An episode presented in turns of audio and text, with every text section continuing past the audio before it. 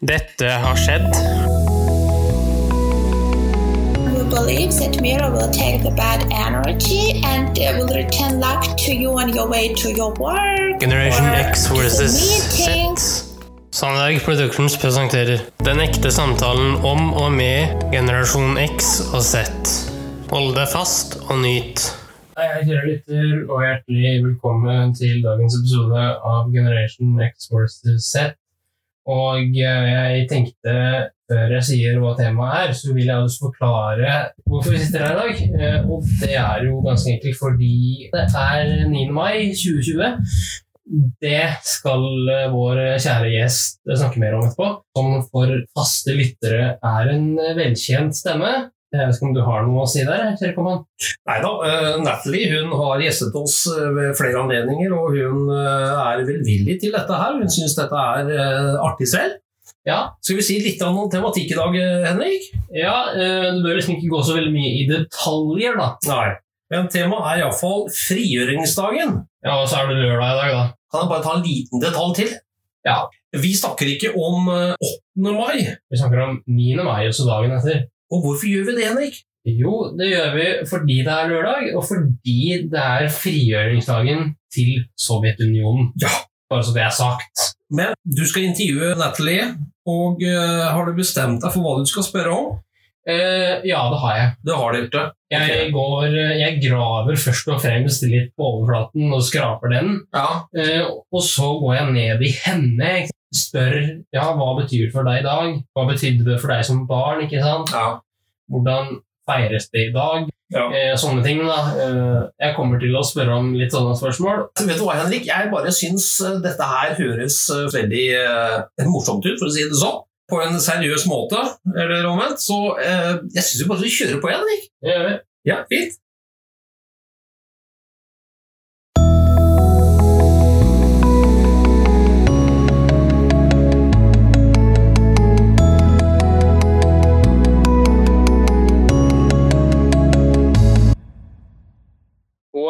My name is Natalie. I'm the teacher of foreign languages and coordinator of schools in Germany, but originally I come from Ukraine. And today I have some questions for you about May 9th. My pleasure. What did May 9th mean to you as a child? As a child, one is not really aware of such big holidays because for the child, it what matters is just entertainment or those kind of events. But being at school, for instance, what do we celebrate on the 9th of May? We celebrate Victory Day. It's a public holiday. It's a day off for the general population and schools and most businesses are closed.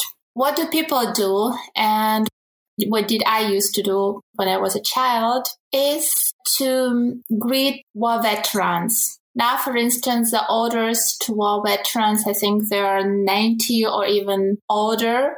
And there are less and less because unfortunately more of them are dying each year and less remain to greet with the next victory day. So for us, it's a holiday that commemorates the end of the Second World War. And what do we do on this day? As I said, it's a public holiday and often consists of official greetings to war veterans. It's presidential speeches, also concerts featuring Ukrainian pop stars and singing popular wartime songs. Sometimes uh, on evenings one can observe fireworks. And definitely it also includes a moment of silence to honor war victims as well as people laying flowers at the tomb of their unknown soldier in Kiev. It's a monument. That's what we are doing on this day.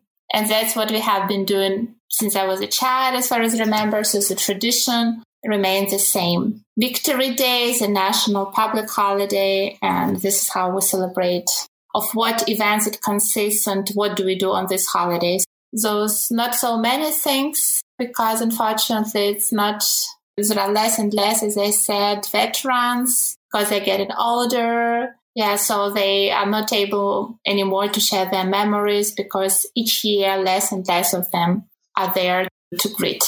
Well, of course, they can get dementia or some kind of disease which either wipes your memory clean or impairs you from remembering as well. Yes, every year they're getting older, so all their memories, of course, and on this special day, yes, they wear all their medals, their uniform, so they dress up.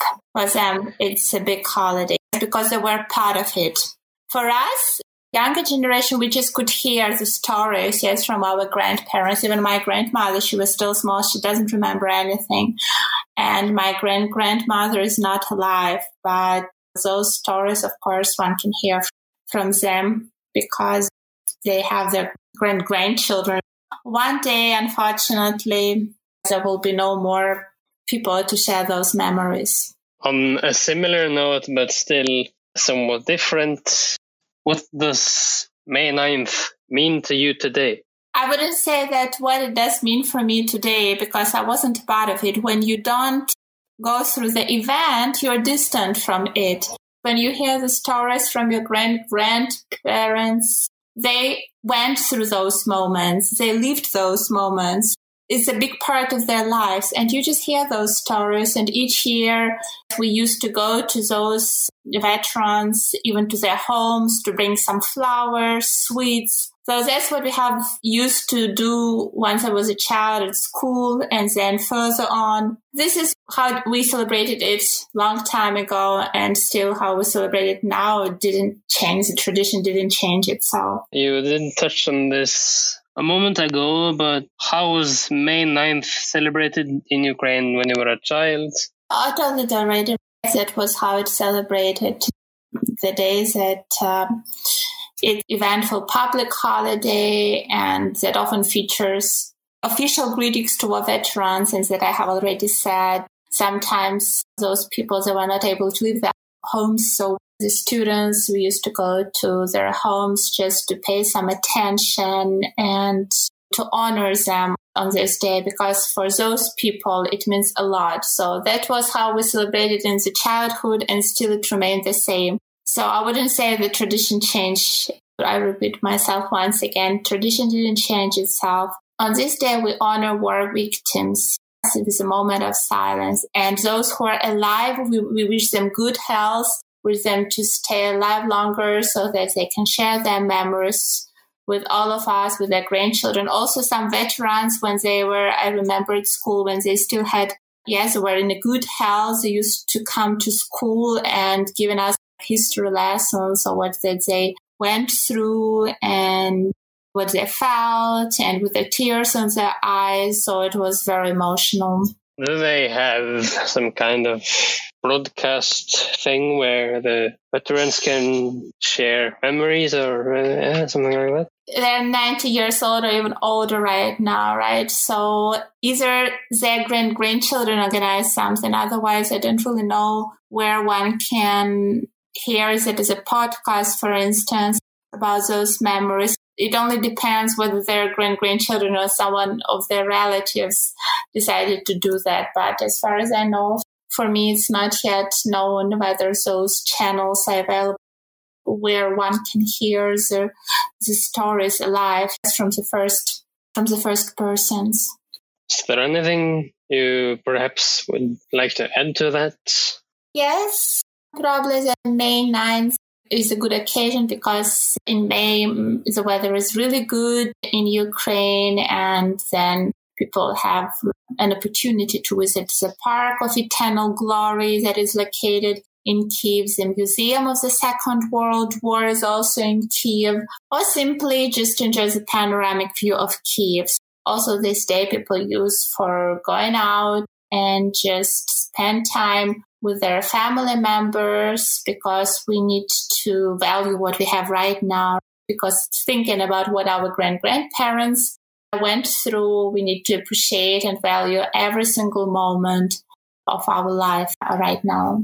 With that, do you think we can close the May 9th booklet or I haven't been through it myself, so don't really have a lot to say on the point. And those stories that used to, to be told us when I was a child, it was a long time ago, so I don't even remember those stories. And of course, those stories are sad and emotional. One can imagine what one can go through once he is in the war conditions. He loses his family members. But still, even in the time of war, people tried to find the positive moments, still to enjoy life. They made families and still they try to maintain the positive mood. Of course. So that's actually that's everything what I intended to say. With that, I thank you once again for attending. Hmm? Most welcome, Henrik.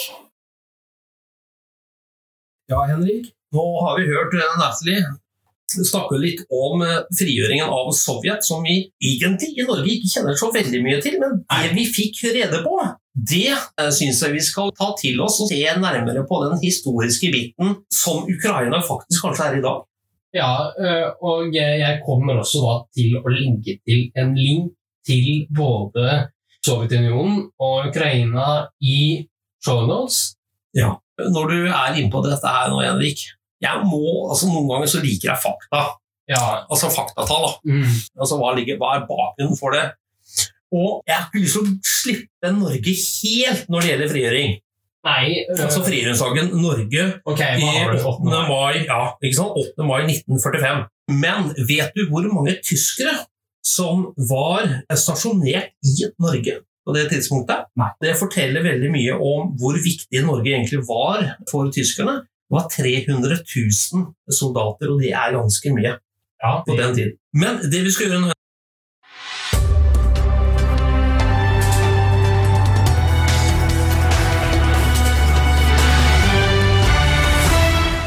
NRK-hjørnet.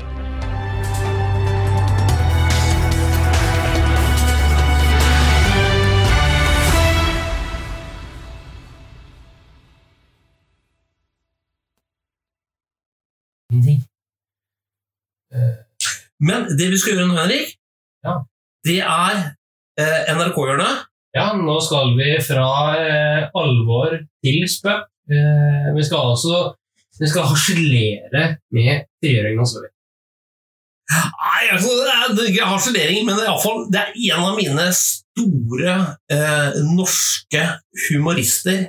Og her kommer han til sin plass så til, til de grader at det er en fornøyelse å, å høre på. Fortell om det. Eh, jo, det er en mann eh, som hadde sine glansdager på 1980-tallet. Eh, som heter Eller som het, da. Eh, Halvard Heidesteen jr. Eh, han eh, kommer altså da til å muligens linke til i shownotes. Men med det så tenker jeg vi kjører Det er en eh, ubåt i Stradsklassen. Den heter Dnieper av Arkangelsk. Men eh, en eh, ubåt i norsk farvann er jo Vi er på fisketur. Vi fisker. fisketur og fisketur. Det tror de at de norske myndigheter tror, tror det. Dypvannsfiske, ja. Vi fisker på dypvann. Brosme, lange, sei, lodde, lampe, gnytte, sursild. Alt fisker. Altså, de kan ikke tro at myndighetene skal tro at en ubåt driver og fisker dypvannsfiske. Vi har orkester om kombor. Balalaika-orkester. Stort balalaika-orkester, så hvis de vil høre. Vi har 35 mann spiller balalaika-orkester. Det er skjønt. I en, en ubåt. Hvor mange mann er det om bord? Liker de musikk? Ja, jeg liker musikk. Da skal de komme ned og høre jo. på vårt fiolinkvartett. Ja, det er klart. Ja. Hvorfor er de akkurat her i Drøbak? I går!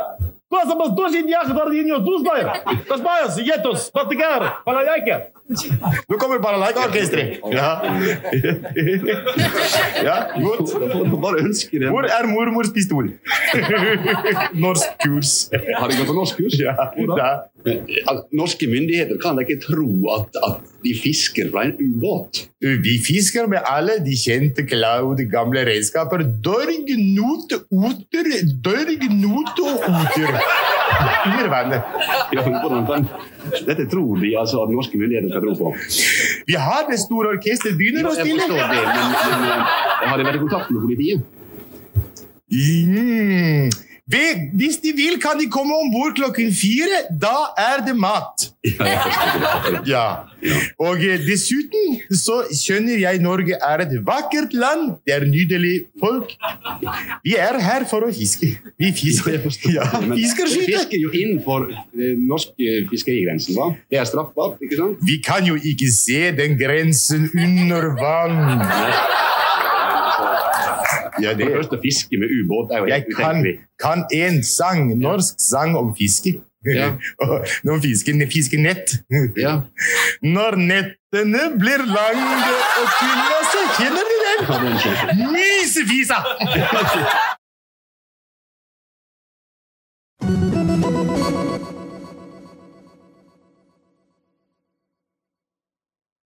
Nå kjører vi på den.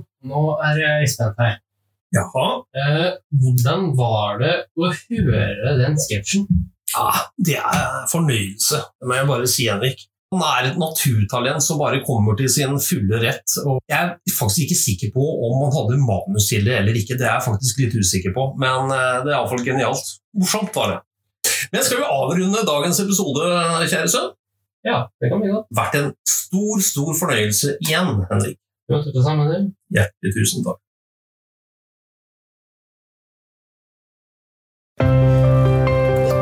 Takk for at du fulgte oss. Gi gjerne tilbakemelding, likes eller kommentar på Facebook-siden vår Generation X versus Z. Velkommen igjen til neste podkastepisode. Hei då!